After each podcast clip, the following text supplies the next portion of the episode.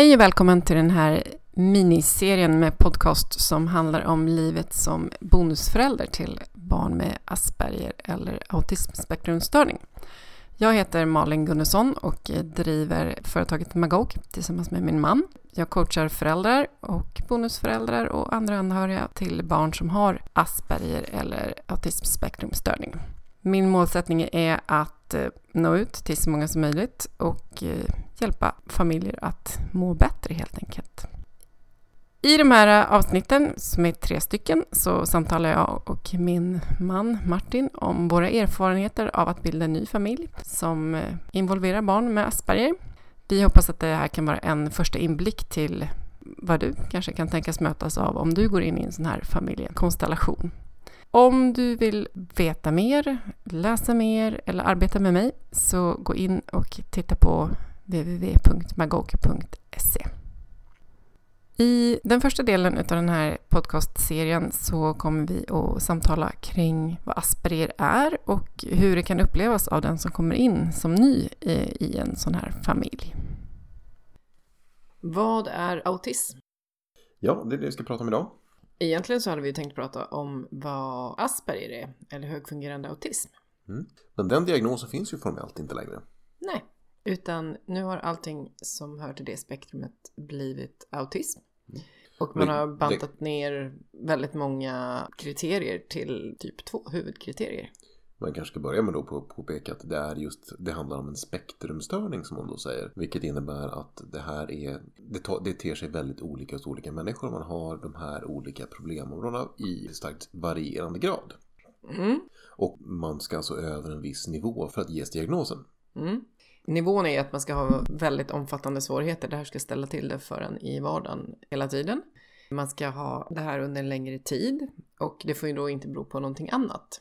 Nej. Och det här med att det är, man ska över ett visst tröskelvärde för, för, att få diagnosen. Det är ju bra att ha i bakhuvudet för det innebär ju också att ganska många människor har den här typen av beteenden, eh, personlighetsdrag och kanske i viss mån även svårigheter utan att nå över den gränsen. Och eftersom det finns en stark ärftlig komponent i det här så finns det hög risk eller chans, eller hur man nu vill se det, att eh, dessa, denna någon kan vara din nya partner eller någon i din partners familj. Mm. Först av allt så finns det ju jättemycket att säga om att det här är liksom rörlig materia. Det är få som diagnostiseras som hysterikor idag. Även Nej. om det är en diagnos jag alltid velat ha. eh, skämt åsido. Nej, men eh, så att det är också naturligtvis beroende av det omgivande samhället och nu ser vi ju en, en typ en epidemi. Mm. Det är väldigt många som får den här diagnosen och ännu fler som får andra typer av NPF-diagnoser och NPF är neuropsykiatriska funktionshinder. Där ADHD och ADD kanske är de vanligaste som man, många känner till. Grundkriterierna är att man ska ha sociala svårigheter och eh, sen begränsande och repetitiva mönster och beteenden. Det är de två stora huvudkategorierna. Mm. Det kan man ju då det kan ju låta ganska övergripande här så vi ska, det bryts ju också ner på ett antal undernivåer som mm. kanske blir lite mer konkreta så ska vi ta och prata om dem då. Ja. Och när det gäller sociala svårigheter så är det ju inte bara att man är lite allmänt kantig och har lite svårt för sig utan det är framförallt den här bristande ömsesidigheten i social förmåga. Det är inte bara verbal förmåga utan det är också bristande icke-verbal kommunikativ förmåga. Eh, man kan ha svårt att läsa av ansiktsuttryck, man kan ha väldigt eh, lite ansiktsuttryck själv. Man har svårt att känna av stämningen i ett rum till exempel. Så här, som kan vara svårt för andra också. Men... Ja, och en väldigt konkret sak är att man kan, ha, man kan uppleva ögonkontakt som väldigt jobbigt till exempel. Och det mm. gör ju, och I och med att ögonkontakt är en otroligt central del i hur vi kommunicerar och budskap vi förmedlar så är ju det ett ganska påtagligt handikapp i att kunna avläsa en betydelse hos en annan människa. Bristande förmåga att utveckla och förstå ändamålsenliga relationer.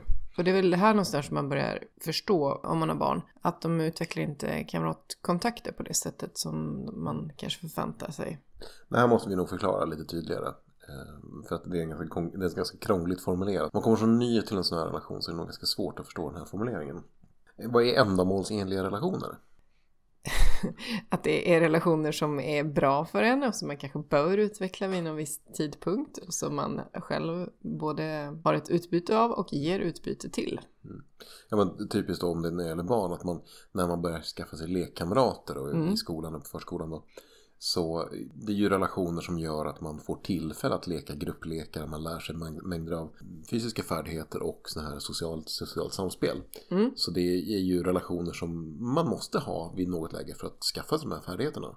Mm. Eh, och det är väl typiskt att man har väldigt svårt att upprätthålla de här för att man inte riktigt ser en förklaring kan ju vara att man inte riktigt ser vad man behöver ge tillbaka för att kunna upprätthålla en sån här relation. Precis, och att man kanske inte ens ser behovet utav det. För väldigt många mm. barn glider lite under radarn i förskolan därför att då, då är ju den allmänna nivån sån att man står bredvid varandra och bygger något eller pysslar med något sådär. Det krävs inte så mycket mer utan man står jämte varandra och sen gör man det man gör. Mm. Eh, men sen när man börjar leka och kanske framförallt när man ska leka rolllekar mm.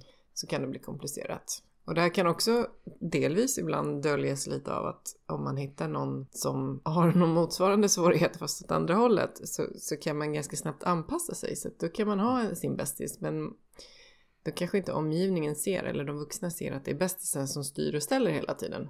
Mm. Bästisen talar om att nu är du häst och då är du häst. Och nu är du pappa när vi leker mamma, pappa, barn. Alltså man har någon som styr en ganska tydligt. Och det, det, kan ju också dölja det här att man, in, man inte har förmågan att upprätta en sån relation. Om den här bästisen då är borta en dag. Mm. Så har man ingen möjlighet att, men hur, hur börjar jag om jag vill leka med ett annat barn? Mm. Det kan vara jättesvårt. Sen är det en sak som kanske är viktigt att påpeka. Att det finns en viss samvariation men det här är inte samma sak som att ha en introvert personlighet. Det kan vi ha utan att ha den här typen av svårigheter. Introverter kan ju vara att gilla att vara själva. Mm. Och det ger ju också en extra svårighet att se på barn om de som faktiskt söker sig till den här avskildheten för att de trivs med det. Mm. Eller de som blir ensamma och avskilda för att de inte kan skaffa sig de, det sociala umgänget. Mm. Det kan vara väldigt svårt att se utifrån. Men det är två väldigt olika saker. Men att vara introvert är ingen sjukdom. Nej, absolut inte. Det är väl ett, ganska det är ett vanligt personlighetsdrag. Ja, som är ganska, kanske inte man ska säga illa sedd, men som inte är helt uppskattat i dagens samhälle i alla fall. Men ja, det inte, är... Åtminstone inte så uppmärksammat. Nej. Och det, det beror ju naturligtvis på att utåt, utåtriktade människor tenderar ju att dominera media och sociala sammanhang mm. av naturliga skäl. Vi kan väl säga att vi båda två är ganska mer eller mindre introverta. Mm. Det uppfattas ju som lite socialt avståndstagande att säga att man vill ha, vara själv. Mm. Vilket vi uppmuntrar att man är. Absolut. Mm. Om vi går vidare till den andra stora punkten för att få diagnosen Asperger idag så är det begränsande repetitiva mönster och beteenden. Och även de då är naturligtvis uppbrutna på punkter eh, och sen så ska man ha ett visst antal av de här punkterna för att det ska bli en diagnos utav det. Så att om du bara har en så kommer du, även om den är nog så svår så kommer du inte få hela diagnosen. Och motoriska rörelser, jag tänkte säga att alla rörelser är motoriska, men eh, de ska vara stereotypa eller repetitiva. Eh, och det kan gälla både tal, hur man hanterar olika saker, att man ställer upp alla sina tekoppar på ett visst sätt, om man har ett litet leksakskök eller att man ställer upp sina bilar på ett visst sätt eller man arrangerar gosedjuren på ett visst sätt. Mm. Och framförallt bryter ihop om de ordningen förstörs. Här kanske, man, här kanske man ska särskilja då från det som är mer över gränsen till det man kallar för tics. Där mm. du liksom har tvångsmässiga rörelser som du inte riktigt kontrollerar. Det är inte riktigt det vi pratar om här. Utan det här är ju mer repetitiviteten i mönstret. Att du gör saker på ett och samma sätt när det ska göras. Mm. Det här med motoriska rörelser är ju intressant. För att i alla fall tidigare då som Gillberg och Gillberg framförallt det som har pratat om att det bör vara en del av diagnosen förut när det fanns Asperger-diagnosen. Därför att man tyckte att det var väldigt utmärkande för barn med de här svårigheterna att de rörde sig på ett ganska säreget sätt. Mm. Och att det finns någon typ av klumpighet i det eller någon Ja men kanske klumpighet eller svårighet eller någonting som inte riktigt, riktigt stämmer. Och det mänskliga ögat är ganska duktigt på att detektera mm. saker som man tycker inte riktigt stämmer utan att kunna sätta ordet på det. Det är lite att man hamnar i the uncanny valley på något sätt. Mm. Att du beter dig lite annorlunda men kan inte riktigt det, det kan bara kräva många års samvaro innan man kan kanske koka ner det till vad det faktiskt är. På vilket sätt de rör sig. Men det är, de är lite kantiga i rummet. De följer inte riktigt mm. samma mönster. Men alltså om du är fysioterapeut så kan du säkert nagla fast ganska snabbt vad det är för mm, någonting. För, därför att du har tränat fyra år på att se just den typen av saker. Men, men, men påtagligt sak som jag tror kan vara det första man märker. Det är ju det här problemet med eh, det personliga avståndet. Hur Mm. nära man står en annan människa när man pratar med den. Mm. Eh, uppfattar liksom inte den här signalen. Om, om jag står på ett visst avstånd så kommer den jag pratar med börja luta sig bakåt eller ta steg tillbaka. Mm. Så förstår jag ganska tydligt att jag står för nära. Mm. Och det, såna, den typen av signaler kan de ha oerhört svårt att uppfatta. Mm. Nästa punkt på den här diagnoskriterielistan det är att man insisterar på att ingenting ska ändras, eh, att man är oflexibel och att man har fixering vid rutiner. Och det här är ju någonstans arketypen Mm. för autism. Det är ju inte så att alla saker hela tiden, varje gång ska vara på ett exakt sätt. Utan även det här är ju en, en skala eller en, ett continuum eh, där man kan röra sig mer eller mindre åt något håll. Men den här oflexibiliteten, det är ju oftast den som gör att det blir väldigt, väldigt jobbigt. Mm. Det är den, skulle jag säga, som får störst påverkan på, ja men dels hela familjen, men också för individen, att den ställer till det. Den gör saker väldigt svåra, jobbiga. Och väldigt frustrerande att du måste göra på ett visst samma sätt. Och det kan ju vara saker som blir omöjliga att utföra. Om det på någon gång saknas rekvisit att ja, men just favoritvantarna finns inte hemma. Mm. De är glömda någonstans. Ja, men då kan vi inte gå ut överhuvudtaget. Vi kan inte använda par andra vantar eller par tumvantar istället för fingervantar eller vad det nu kan vara. Du är så fast vid att klä på dig de här, precis de här sakerna för att kunna gå ut. Och så går inte det. Fastän du tycker att det finns fullgod ersättare. Men en sak som jag har tänkt på när man, som kan vara bra att tänka på det här. Det är ju att det är inte så att allting, vi kan ju inte säga att allting är lika från gång till gång. För situationen är ju alltid olika. Det finns massa saker som varierar. Mm. Men det som ska vara lika, det är det som barnet anser är viktigt. Det är det som barnet ser i den här situationen. Det kan vara andra omständigheter som är helt oviktiga. Men måste, då, I sina huvuden har de ju skalat ner det till att ja, men ska vi gå ut och bygga en snögubbe, då är involverar de här momenten. Mm. Jag tänkte vi kan återkomma till det senare, för jag skulle egentligen vilja beskriva hela autismspektrumet som i alla fall rör norm- normalbegåvade eh, individer som en stor stresssjukdom. Mm. Men vi kan återkomma till det. Vi tar de här sista punkterna. Fixerade intressen. Det är också en väldigt här, stereotyp. Eh, Det är väl ofta den man ser i filmer och sådär. det är då alla tänker Rain Man. Ja, Rain Man eller Big Bang Theory eller något sånt där. Ja. Och de här fixerade intressena de har väl historiskt sett varit ganska fokuserade på pojkar. De är lite lättare att se. Man kan vara extremt fixerad vid, ja men alla barn kanske gillar dinosaurier så det kanske är ett dåligt exempel. Men typ dinosaurier, typ lego. Lego och Mekano i en annan generation. Men ofta så, har det ju, så är det ju saker som är kanske inte nödvändigtvis tekniska. Men det, ofta, det finns ju ofta en dragning åt sådana saker. Där du kan bygga och konstruera. Du kan förstå saker i sina beståndsdelar. Så att det Mm. ofta finns en mönster i. Det kan ju även göra andra saker som är mönsterorienterade. Om du men olika typer av hantverk eller Mm. konst där du har. Blommor eller musik eller Ja, musik är ju bra exempel. också. Ja. Medan för flickor så kan det vara lite knepigt att upptäcka. För det kan vara så att man är väldigt, väldigt, väldigt intresserad av kompisar. Mhm. Därför att då blir kompisarna det liksom studieobjektet. Så man, är en kod man försöker knäcka.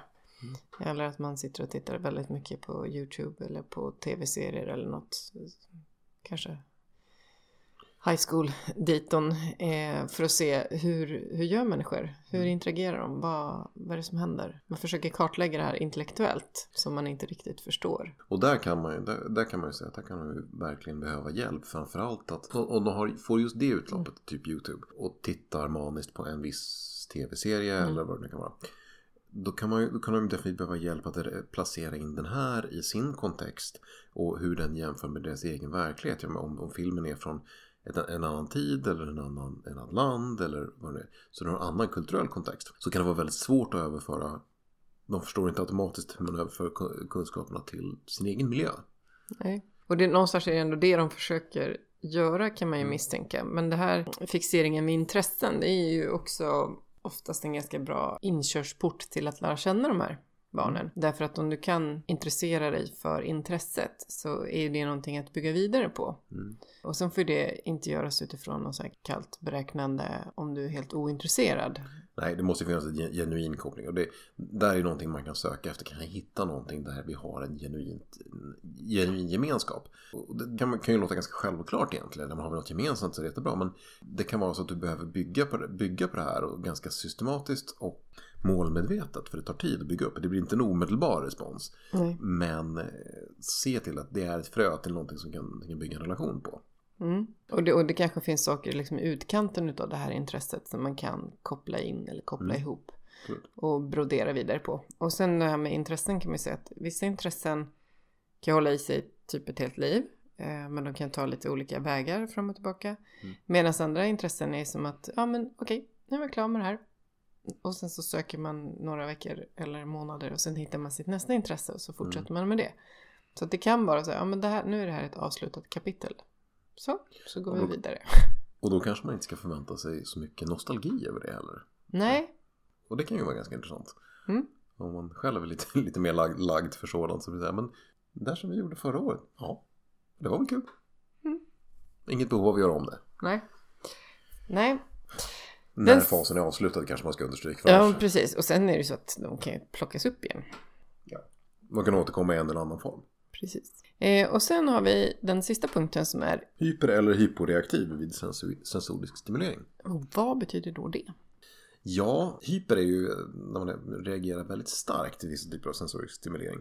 Eh, Och det kan ju vara så att till exempel man uppfattar vissa ljud som väldigt stressande. Alltså vissa, vissa miljöer där det finns en typ av bakgrundsljud så blir man väldigt, väldigt stressad eller blir, känner sig trängd. Mm. Eh, Och det kan också vara så att man reagerar väldigt starkt på om, om man eh, vidrör en annan människa. Mm. Det här kan ju vara intressant för den här hyporeaktiva sensoriska stimuleringen som man beskriver. Det är ju i princip tvärtom. Då kan man nästan tro att eh, barnet inte har någon känsla alls därför att det tål kyla eller det tål värme eller det tål smärta Eller ljud. eller ljud.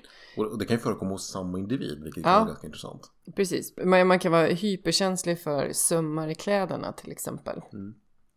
Eh, eller för tandborstning, eller för tandkrämen, eller för att det luktar curry, eller vad det nu kan vara. Eh, Jag tycker att det är jätteobehagligt att tvätta fötterna men det, det går alldeles utmärkt att gå barfota in i stan. ja, precis. För att det är två helt olika sensoriska upplevelser. Mm. Och det, det är ju vi utifrån som, som skulle tolka det som en över eller underkänslighet. Mm. Jag skulle ju säga att det finns ju någon typ av koppling mellan de här, med den sensoriska stimuleringen och de motoriska rörelserna. Nu är vi ute lite mer på det här alternativa, men sensomotorisk träning är ju klart underskattad. Mm. då får du säga. beskriva vad det är tror jag. Sensomotorisk träning är ju i, i kortformat så går det ut på att man ser om man kan integrera de spädbarnsreflexer som man oftast normalt ska ha integrerat vid en viss ålder.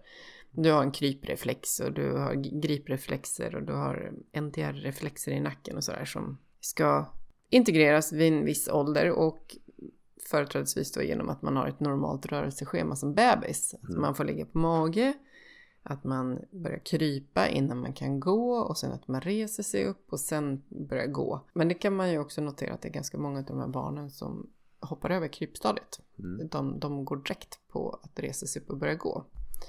Eh, och om man då går tillbaks lite och börjar integrera de här rörelserna, framförallt de i nacken kanske, så kan det hända ganska mycket Mm. med barnet i övrigt. Då även med den här sensoriska stimuleringen och hur de upplever det. Så det kan också variera över tid och tror jag då, eller min erfarenhet är i alla fall att det kanske också beror på om man har integrerat de här reflexerna.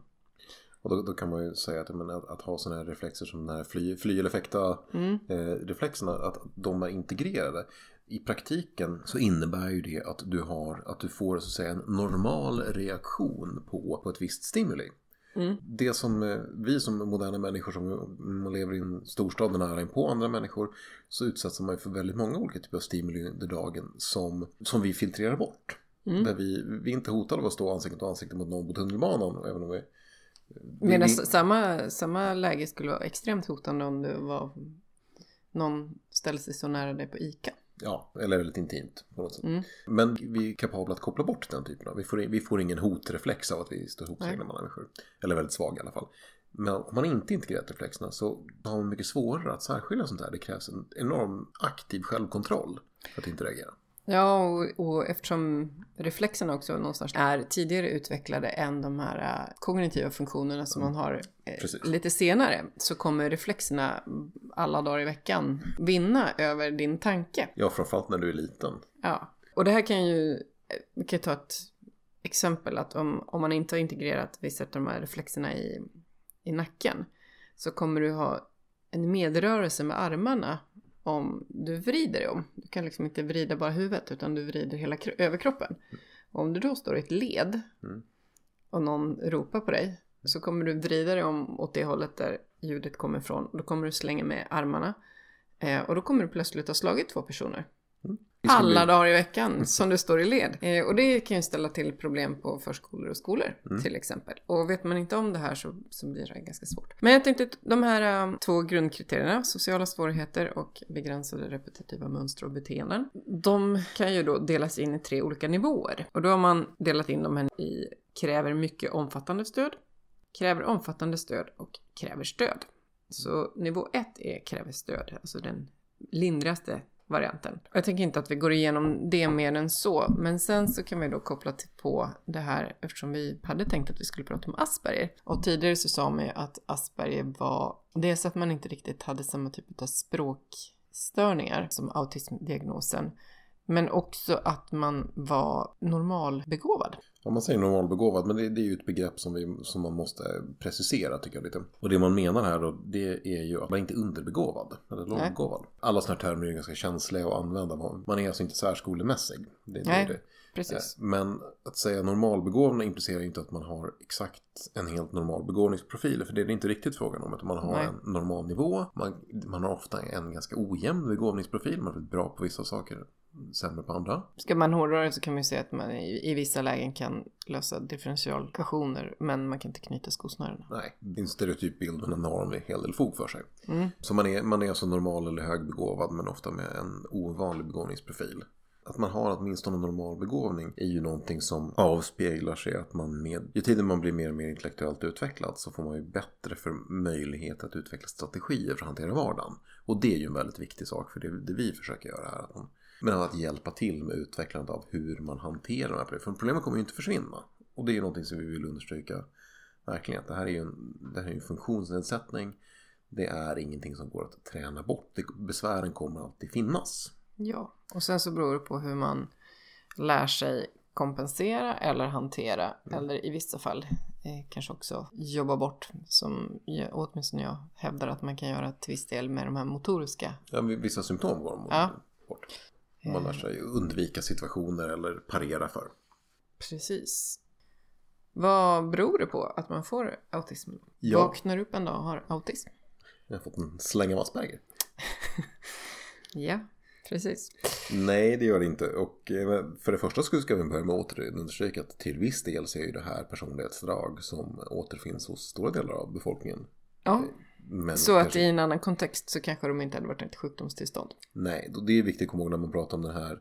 Ibland pratas det om som en epidemi av NPFR. Mm. Och det är ju viktigt att komma ihåg att den, den här typen av personlighetsdrag, åtminstone i de kanske lättare eller medel, medelhöga delarna av spektrumet, skulle kanske gått helt obemärkta förbi om du levde i ett bondesamhälle. Mm. Ja, men det är ett bondesamhälle eller om du hade haft katederundervisning i skolan. Ja, jo. Eh, men det, kan vi, det är ju spekulationer från vår sida som vi ändå tycker att vi kanske har lite fog för. Mm, Eh, vi är inte ensamma om dem. Nej, men om vi pratar om eh, vad som orsakar Mm. det här så kan man säga att i de väldigt, väldigt grava fallen av autism så finns det oftast genetiska komponenter.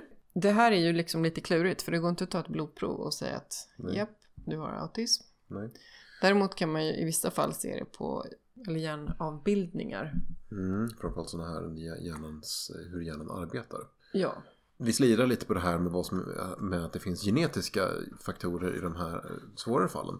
Så är det ju så att i en utsträckning så finns det ju, är det bara viktigt att undersöka att det finns ju genetiska faktorer även om de är lättare. I den mån att de är ärftliga, de är biologiskt ärftliga. Mm. Och du kan ofta se dem i många släktled. Mm. och då kan man ju fråga sig om det bara är liksom en förstärkning av någon typ av personlighetsdrag. Mm. Eller om det vid något givet tillfälle liksom gick över och blev så allvarligt att det blev en sjukdom. Ja, eller, eller att man fick bli sämre att utveckla förmågan att hantera. Mm.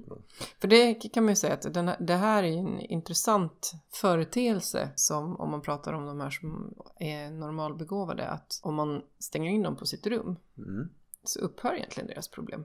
Mm. I de flesta fall så, Problemen är liksom i relation till omvärlden. ja.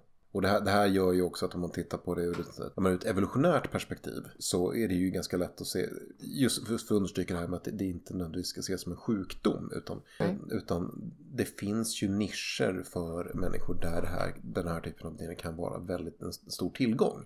Mm. Framförallt det, när, i den mån det innebär ett, en möjlighet att fokusera, du kan bli extremt detaljfokus. Det kan ju ofta leda till att du blir väldigt, väldigt duktig på en viss, en mm. viss sak. Och det kan ju vara en stor tillgång. Sen att ju mer sammankopplat samhället har blivit, stora sociala sammanhang, när det har fått större vikt så har priset av att inte kunna hantera sociala situationer har blivit viktigare mm. än fördelen där. Så, att, och, och, så kanske man ska se det, att man tror att det alltid, alltid har funnits men det har funnits mer nischer för. Mm. Men orsakerna, det är genetiska orsaker till viss del. Eh, och så, så tidigare så trodde man att man hade kalla, kalla mammor. Ja men det, kän, det känns som en ganska förlegad säga. Ja, det, hoppas man i alla fall. Det hoppas vi. Ja. Men det finns ju andra saker som miljögifter, det finns infektioner, hormoner, ja lite andra saker som skulle kunna inträffa och framförallt då innan man är född, när man ligger i magen. Mm. Och det här, det här är naturligtvis ett, det här är ett svårt forskningsfält och det är i och med att du inte kan göra några jämförande studier eh, och det är också ett eh, till viss del kontroversiellt Eh, forskningsfält för det, skulle ju, det utforskar ju huruvida saker vi har gjort, hur vi har förändrat vår miljö eh, påverkar barnens utveckling mot. Och det, det känns ju inte som, som lekman så känns det inte osannolikt att miljöfaktorer har, eller kan påverka hur man utvecklar den här typen av symptom. Mm. Och då kan vi prata om tre olika saker som faktiskt ändå studeras i alldeles för liten utsträckning men dock. Mm. Och det är ju mage och tarm. Det är ingen hemlighet att de flesta barn med autism ofta har en otroligt dåligt fungerande tarmfunktion. Mm. Det är också så att det, man märker att de har någon typ av avvikelse i sitt immunsystem. Och där finns det en koppling till att väldigt många mammor till barn med autism har autoimmuna sjukdomar. Mm. I någon form eller utsträckning.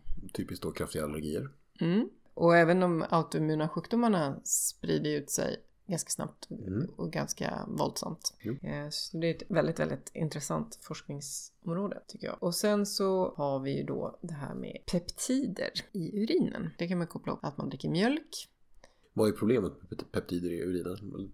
Det är ju en indikator kan man säga på, det är ett sätt man, saker man kan testa. Ja. Men det är ett problem det, i sig. Ja, problemet är väl att det indikerar att man inte bryter ner de här proteinerna så mm. som man borde. Och då mm, den här kopplingen mellan tarmarna eller mage-tarmkanalen och hjärnan som man också forskar ganska intensivt om nu. Är att man misstänker att de här peptiderna eller proteinet tar sig in genom eh, hjärnbarriären. Mm, blodhjärnbarriären. Precis, att de lyckas krångla sig in där och sen då. då kan vara, vi, vi, kommer ju prata, vi kommer ju prata om, mer om, om kost och sånt för det, det är ju någonting där du faktiskt kan påverka och mm. göra en hel del. Och när det gäller just mjölkkonsumtionen så det är viktigt att särskilja det från en laktosintolerans. Mm. Som, ju, som är ju ganska lätt att testa för som man många gånger ofta, ofta testas för. Det är ju inte det det här, det här är frågan om då i så fall. Det här är ju ett problem med mjölkproteinerna. Precis. Lite mer. Så att man kan vara laktostolerant. Men mjölkproteinerna och sen då gluten. Mm. Är ju de två stora proteingrupper som väldigt många föräldrar självmant har tagit bort från sina barns kost. Mm. Och eh, ibland med väldigt, väldigt goda resultat. Mm. Inte alla ska vi säga, men många. Nej, det, och det är ju så att det kan ju vara någonting som är värt att prova i en all, ett allvarligt försök.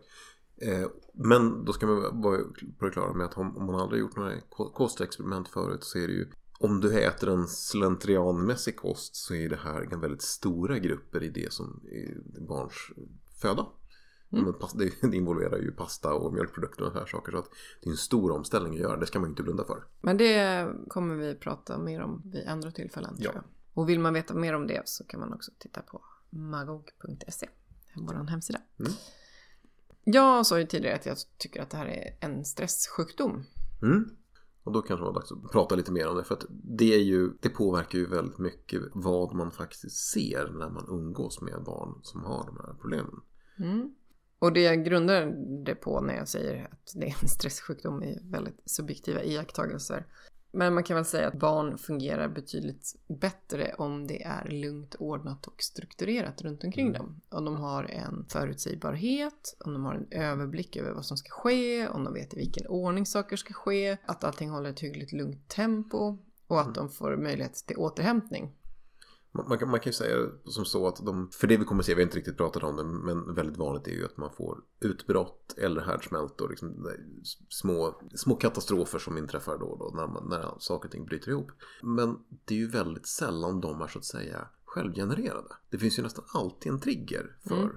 Precis, och som vuxen eller förälder i det här så blir man ju förhoppningsvis med tiden ganska duktig på att se de här triggerserna. Dels när de kommer och så kan man avstyra saker långt innan dess. Eh, och allra helst att sopa bort de här triggerserna överhuvudtaget. Mm.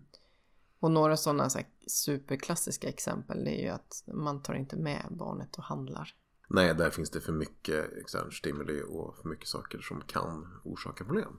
Ja. Sen, sen, är det ju så att också med, med träning och när barnet blir större så, så utveckla, kan ju även de utveckla metoder att hantera triggers eller det som har triggat dem som mindre i lagom mängd så att mm. säga. Men nu sa du träning och då vill jag ju bara understryka att mm. det är inte så att man kan träna ett barn som har autism till att kunna hantera ljud till exempel. Mm. Utan det måste ske på ett annat sätt. Och ett sätt som jag tänker att det skulle kunna ske på det är att den här totala belastningen på barnets system sjunker till en så låg nivå så att det här börjar bli hanterbart. Mm. Och då menar jag belastning både på kroppen i form av vad man äter och vad man dricker men också hur mycket man sover till exempel. Sömnstörningar är ganska vanliga via autism. Mm.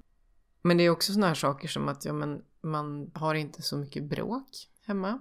Man tar inte alla konflikter. Man tar inte alla konflikter och man gör de här anpassningarna så att om ungen har, inte klarar av en viss typ av kläder men klarar av just de här två tröjorna då köper man fler av de här två tröjorna och sen så varvar man dem hela tiden. Och det här kan ju låta trivialt och det är det inte kan jag berätta för att vid något tillfälle så kommer det vara så att man förväntas ha andra typer av kläder på sig.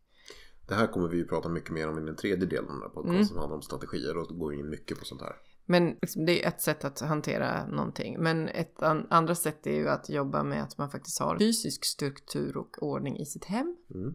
Att man har scheman för saker, att man har ja, men flödesscheman, att morgonrutinen ser ut så här. Och så mm. jobbar man utifrån det. Och kvällsrutinen ser ut så här, så jobbar man utifrån det. Mm. Eh, men sen handlar det också om, om bemötande och det kommer vi också prata om i den tredje delen. Så det finns ju absolut sätt att sänka den här allmänna stressnivån och på så vis göra att barnet kan ta sig an större eller svårare uppgifter. För här pratar vi om agerande scheman egentligen mm. för olika situationer. Du kan ju utveckla sådana också för, för situationer som uppstår ja, men på snabbköpet till exempel. Mm. Om det är i hanterbar mängd så finns det ju saker du kan göra för. Om någon blir väldigt, väldigt stressad av ett skrikande småbarn till exempel. Mm. Ja, då kan du ha ett sätt att hantera det på. Ja, men du kan ha hörlurar med dig och då tar jag upp dem och börjar lyssna på musik eller någonting. Eller, eller jag har hörlurar på mig hela tiden när jag går in där. Ja, det, det är något du är bra för. Men, men, bara att komma till att det finns strategier för att hantera sånt som kommer plötsligt också. Mm. Men det kräver mognad och det, kräver, det utvecklar barnet med tid. Ja, för det måste man komma ihåg att barnen utvecklas ju hela tiden kontinuerligt. Precis som alla andra barn. Mm. Men ganska ofta så säger man att de är något eller några år efter och framförallt när det gäller sociala färdigheter och vissa sociala färdigheter kanske de aldrig riktigt lär sig. Eller de lär sig dem inte intuitivt i alla fall. Mm. Men de kanske kan hantera dem intellektuellt. Men då blir det alltid, ja, men som vi pratade om här inledningsvis, att, det här, att man ser att det är någonting som är lite konstigt. Mm. Och på samma sätt blir det ju att man kanske kan hantera saker intellektuellt. Men det kommer alltid ske med en liten, liten viss fördröjning. Mm. Det gör ju att man blir lite av en alien. Mm det är också i samband med det här viktigt att påminna om att det här att man gör saker intellektuellt till skillnad från då oss normala eller neurotypiska mm. som gör den här typen av sociala interaktioner intuitivt. Det är ju att det kostar otroliga mängder mental energi. Mm. Och det gör att man blir trött.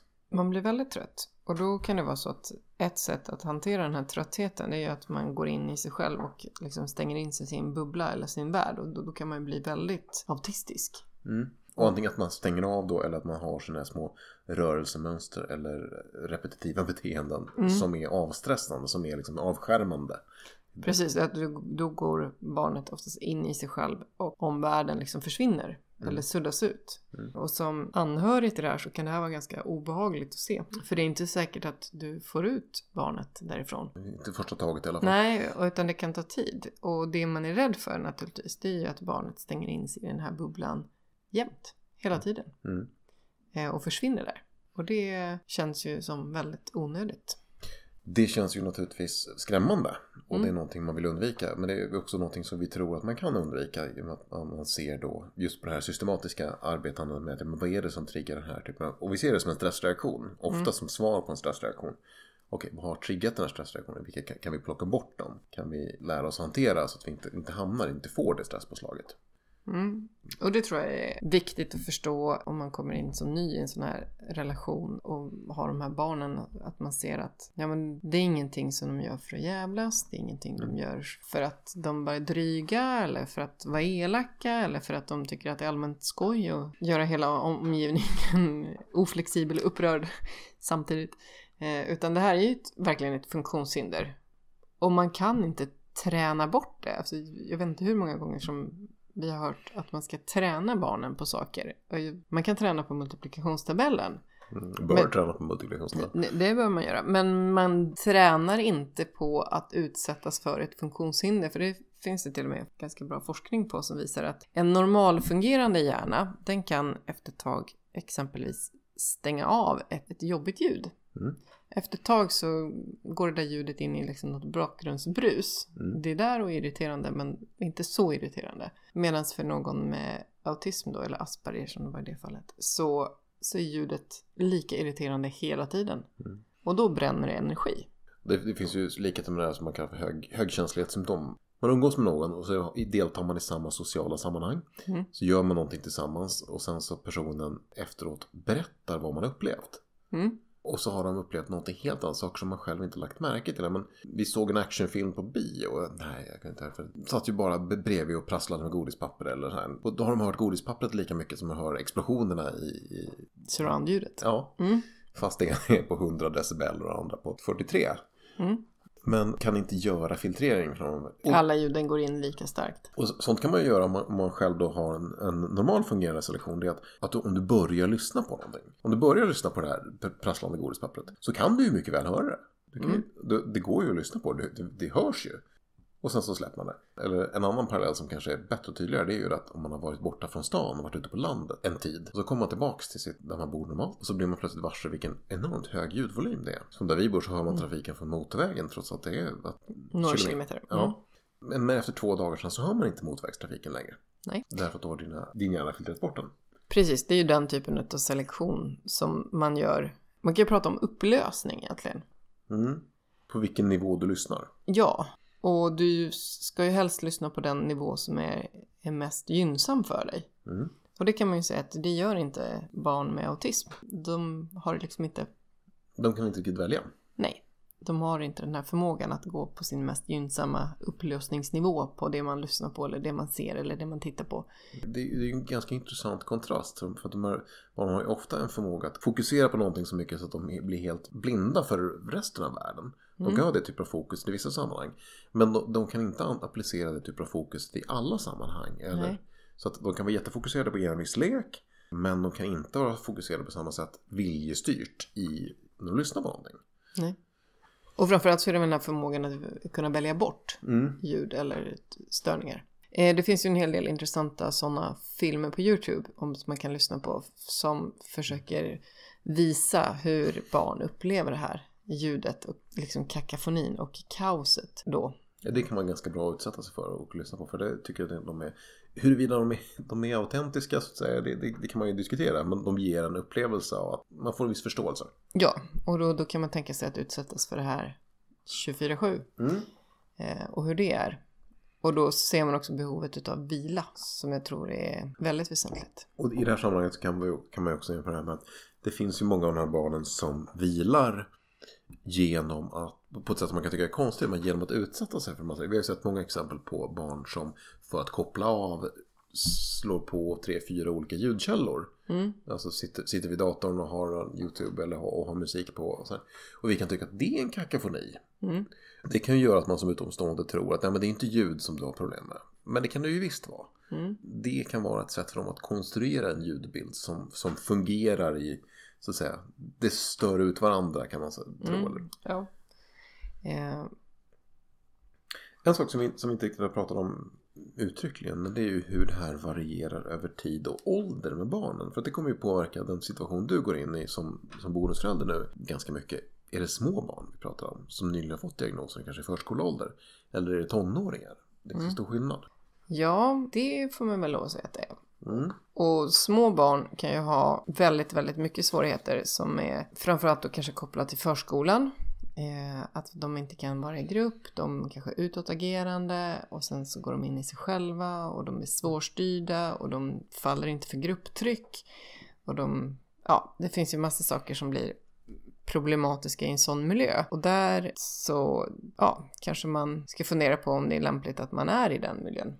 Mm. Och om man är i den miljön så måste ju miljön anpassas så att man kan klara av att vara där utan att bryta ihop varje dag. Det här småbarnsåren kan ju präglas av mycket av det här detektivarbete kommer vi prata om. Liksom, att försöka hitta för då, då, kanske man inte riktigt kommit till det här. Man vet att det finns, man vet att det finns problem med stressorer och sådana här saker. Men man har inte riktigt ännu fullt lagt pusslet och kommit fram till ja, men vilka typer vilka situationer är mest stressande för mm. mitt barn. Så det kan vara mycket där och det är ju som, som utomstående så kan, där kan man ju faktiskt bidra med någonting. Det är vad jag tänker prata om sen. Att man som lite oberoende observatör, den förälder som har varit med från första början kan lätt ha blivit blind för vissa typer av orsakssamband. Mm. Absolut. Och då kan man väl säga också att generellt så får ju kanske då barnen diagnosen lite senare. Jag tror att jag såg någonstans att snittåldern är runt 11 tror jag. Mm. Och ofta så säger man då att det beror på att i F till 3 så ja, det är inte riktigt lika hårt och det är inte lika... Det finns ändå möjligheter med fritidspersonal, man kan gå ifrån och man kan röra på sig och sådär. Det är liksom inte riktigt lika tufft som årskurs 4 till 6 då. Men trots allt så är det ju en hel del barn som får sin diagnos där när man börjar skolan kanske. Och vissa ännu tidigare och då kanske det är framförallt att de här talbitarna inte fungerar. Mm. Och nu pratar vi fortfarande om de, de med normal begåvning. Mm. Du, du, var inne på förut när vi pratade om diagnoskriterierna att språkstörningar inte längre är en formell del av eh, diagnoskriterierna. Nej, men däremot att man kan ha så här ekotal och mm. eh, att man har en speciell språkbehandling eller man har någonting är speciellt med språket. Precis. Och sen kan att det där speciella kan vara på lite olika sätt. Mm. Det behöver inte alls ta sig uttryck att man har svårt, bristande språk, men det är ett egenartat språk kanske man kan säga. Mm. Och i, i de, om man jämför med tidigare diagnoskriterier då var ju autism hade ju större fokus på om säger, ekotal och mm. att man kunde säga ord men man kunde liksom fylla dem inte med någon innebörd och sådär. Men om vi pratar om lite äldre barn så där kan man väl också säga att svårigheterna när man är liten, de är ju liksom ganska fokuserade eller kretsar kring familjen. Man, börjar, man har inte liksom ännu riktigt förstått det här med att alla andra har kompisar eller alla andra gör på ett visst sätt. Utan det struntar man ganska hårt i när man är liten. Mm. Men när man blir äldre så blir ju det mer påtagligt en funktionsnedsättning eh, eller ett funktionshinder. Därför att man plötsligt inte passar in i den här gruppen. Mm. Det talas ju om i lite olika sammanhang. Vi pratar om eh, theory of mind som mm. det här uppfattningen. Eller jag kan förstå att du har en egen tankevärld, en egen känslovärld och hur jag, jag, kan på något sätt intuitivt förstå hur du har resonerat. När jag, jag kan deducera det från ditt beteende på något sätt. Och det genom att jag skapar en modell av ditt tänkande. Eh, och därmed en förståelse för dig. Mm. Det sker ofta intuitivt. Och det man också pratar om som en viktig evolutionär del i människans utveckling. När vi lär, lärde oss dela intuitioner. För det är oerhört viktigt för gruppsamarbete. Vissa hävdar att det var ett avgörande steg i vår evolution jämfört med andra människoarter. Mm. Den här förmågan är ju ofta kanske inte helt frånvarande. Men kraftigt nedsatt. Ja, och man, har då, man måste arbeta intellektuellt för att kunna förstå vad någon annan tänker. Och det, det är ju någonting man kan hjälpa till med under, ut, under utvecklingen. Som några, vi kan lära oss att försöka sätta ord på. För att man får ju acceptera att den intuitiva förmågan inte finns där. Och då måste vi göra det så att säga, intellektuellt eller medvetet. Ja, det kan man behöva hjälp med att förstå. Mm. Då kan vi ta ett, ett exempel på Ja, men både med språkuppfattning och språkförmåga och det här fyrkantiga tänkandet. Att de, liksom, de går ju hand i hand eller vad ska jag säga. Eller mm. skälper varann. Eller ja, hur vi nu ska uttrycka det. Men vi kan ta ett, ett exempel där närstående i en skola hade ett problem där man, personalen i skolan sa att det är de här reglerna som gäller. Mm. Och eleverna uppfattar inte att det är de här reglerna som gäller därför att man uppfattar att det är olika för olika individer. Mm. Ergo så gäller inte reglerna och personalen ljuger. Mm. Och då blir personalen ifrågasatt på alla ledder. Ja, för att de ljuger. Ja, och då, då kanske vi ska påpeka att det här är ett sammanhang där eh, samtliga elever har den här typen av Svårigheter. Ja, Mm. Eh, och samtlig personal är väldigt, väldigt de är ganska duktiga på att förstå just det här också. Eh, men det blir i alla fall ett väldigt så här, typiskt eh, Asperger moment kan man väl kalla det. Eh, där man försöker ändå förstå. Men om ni omformulerar det här att reglerna, man kan säga att reglerna uppifrån är- ser likadana ut men sen så gör vi individuella anpassningar. Så att ja, vi, de här individuella anpassningarna gör att reglerna kommer att justeras något för varje eh, elev. Och då kan plötsligt eleverna förstå att jaha, ja men då, nu matchar det ihop igen. Mm. Nu förstår vi, för nu är språket sammanfogat med det praktiska som vi ser och med det som personalen ser. ja och, då, och då var det ju viktigt att påpeka att ja, men det här är det fanns ju då en konflikt mellan olika elever. Och man säga ja, men det här är den personens eh, eh, anpassningar. Det här är dina anpassningar. Men ni har samma regler men ni har alla några individuella anpassningar. Då kan ni ställa upp dem bredvid varandra. Då blev det liksom acceptabelt. Mm. Fast man kan ändå inte säga att reglerna var lika, för de var ju inte lika. Nej. Nej. Mm. Och det, här är ju typiskt en sån så här, oflexibilitet eller kantighet och språkuppfattning och intuitiv uppfattning där liksom de här kedjas ihop allihopa eh, och går in i varandra. Och då får man den här typen av konflikter. Mm. Eller händelser. Eh, Och de är ju väldigt vanliga och de är vanliga hemma också, eller ännu vanligare hemma. Men med tiden så kanske man kan lära sig dels förstå dem och sen bena ut dem liksom innan de hinner eskalera till Ja, när, stora konflikter. det, det är ju väldigt bra att kunna göra dem till explicita konflikter. För när, det, när du väl har kommit dit att kunna- kunna beskriva att problemet är att reglerna sägs vara lika men appliceras inte lika. Ja, har du väl kunnat formulera det Mm. då är det, då är det ganska lätt att lösa. Men in, det är ju vägen dit som kan vara den absolut svåraste delen. Och det kommer vi prata mer om i det avsnittet som heter mm. Strategier. Precis, för då kommer vi prata bland annat om lågaffektivt bemötande och just den här detektivförmågan. Precis, det blir ju en väldigt viktig del av er samvaro. Men nu har vi pratat lite om i en överblick över hur autism kan nå en liten provkarta på vad man kan bemöta med när man då, om man nu går in i en familj där den här problematiken finns. Mm. Vi kommer i nästa del prata lite mer om hur det här påverkar er vuxenrelation. För att nu har det varit fokus på säga, barnet, eller bärare av svårigheterna. Eh, men det kommer ju påverka hela, hela ert liv så att säga. Mm. För det, det kan vi väl understryka ytterligare en gång att det här är en funktionsnedsättning som genomsyrar hela Mm. barnet som har dess liv och därmed också omgivande familjs liv. Väldigt genomgripande, det är liksom, det är därför det är en funktionsnedsättning. Och när, när vi ska prata om relationer så kommer vi prata mycket om ärlighet. Och ärlighet på många sätt, då, både mot varandra men också att försöka förstå situationen så väl som, det, alltså, som det, så som den faktiskt är och inte blunda för saker. Och tydlighet då i kommunikationen. Och det här är väldigt viktigt. Men det, en viktig del är ju ärligheten mot dig själv då. Att du går in och försöker att utvärdera vad, vad känner du inför det här? Mm. Då vill vi förbereda lite på vad, vad man kan tänkas träffa på. Vad, vad kan man känna för det här? Ja, en hel del. Alltså det gör man som förälder också. Eh, Och din partner kanske har berättat en del och det finns ju säkert eh, hos din partners ex en hel del också. Men det här är ju det här är ett svårt funktionshinder. Ja, det är det. Och det, det, det är ju det vi vill. Vi vill ju inte skrämma bort folk med det här. Det, och det, det är ju inte det. Men vi, Vi vill inte att du går hem och gör slut. Nej, Nej. absolut inte. Men, men vi vill ju ändå att det här, det är ju att kratta manegen lite för att du ska kunna gå in i det med öppna ögon. Mm. Och när vi pratar om ärlighet, jag vill bara inflika det att barn med autism är oftast brutalt ärliga och delvis beroende på den här språkbehandlingen och Mm. theory of mind. Man har inte riktigt förstått eh, att i vissa lägen så är det bra att frisera sanningen lite. Det är de Nej. ganska dåliga på. Och det, där ska man kanske säga att ärligheten är ju så att intentionen är alltid väldigt ärlig. Mm. Sen kan det vara så att i och med att de har de här språken så, så förstår, har de ju inte alltid uppfattat nyanserna i vad de har upplevt. Nej. Framförallt om de återger någonting som någon annan har sagt. Nej. Då får man ju vara väldigt på det klara med att ja, de, uppfatt, de återger det de har uppfattat. Det är inte nödvändigtvis att det rimmar med sådana här, för de kan ha missat sådana här saker som ett höjt ögonbryn här eller där. Eller, Mm, Precis. Men åter till dig eh, som lyssnar på det här. Eh, så vad ska vi säga mer än att det här är ganska påverkande? Det här kommer påverka din relation och vi vill att du går in i det här med öppna ögon. Mm. Det är väl det absolut viktigaste.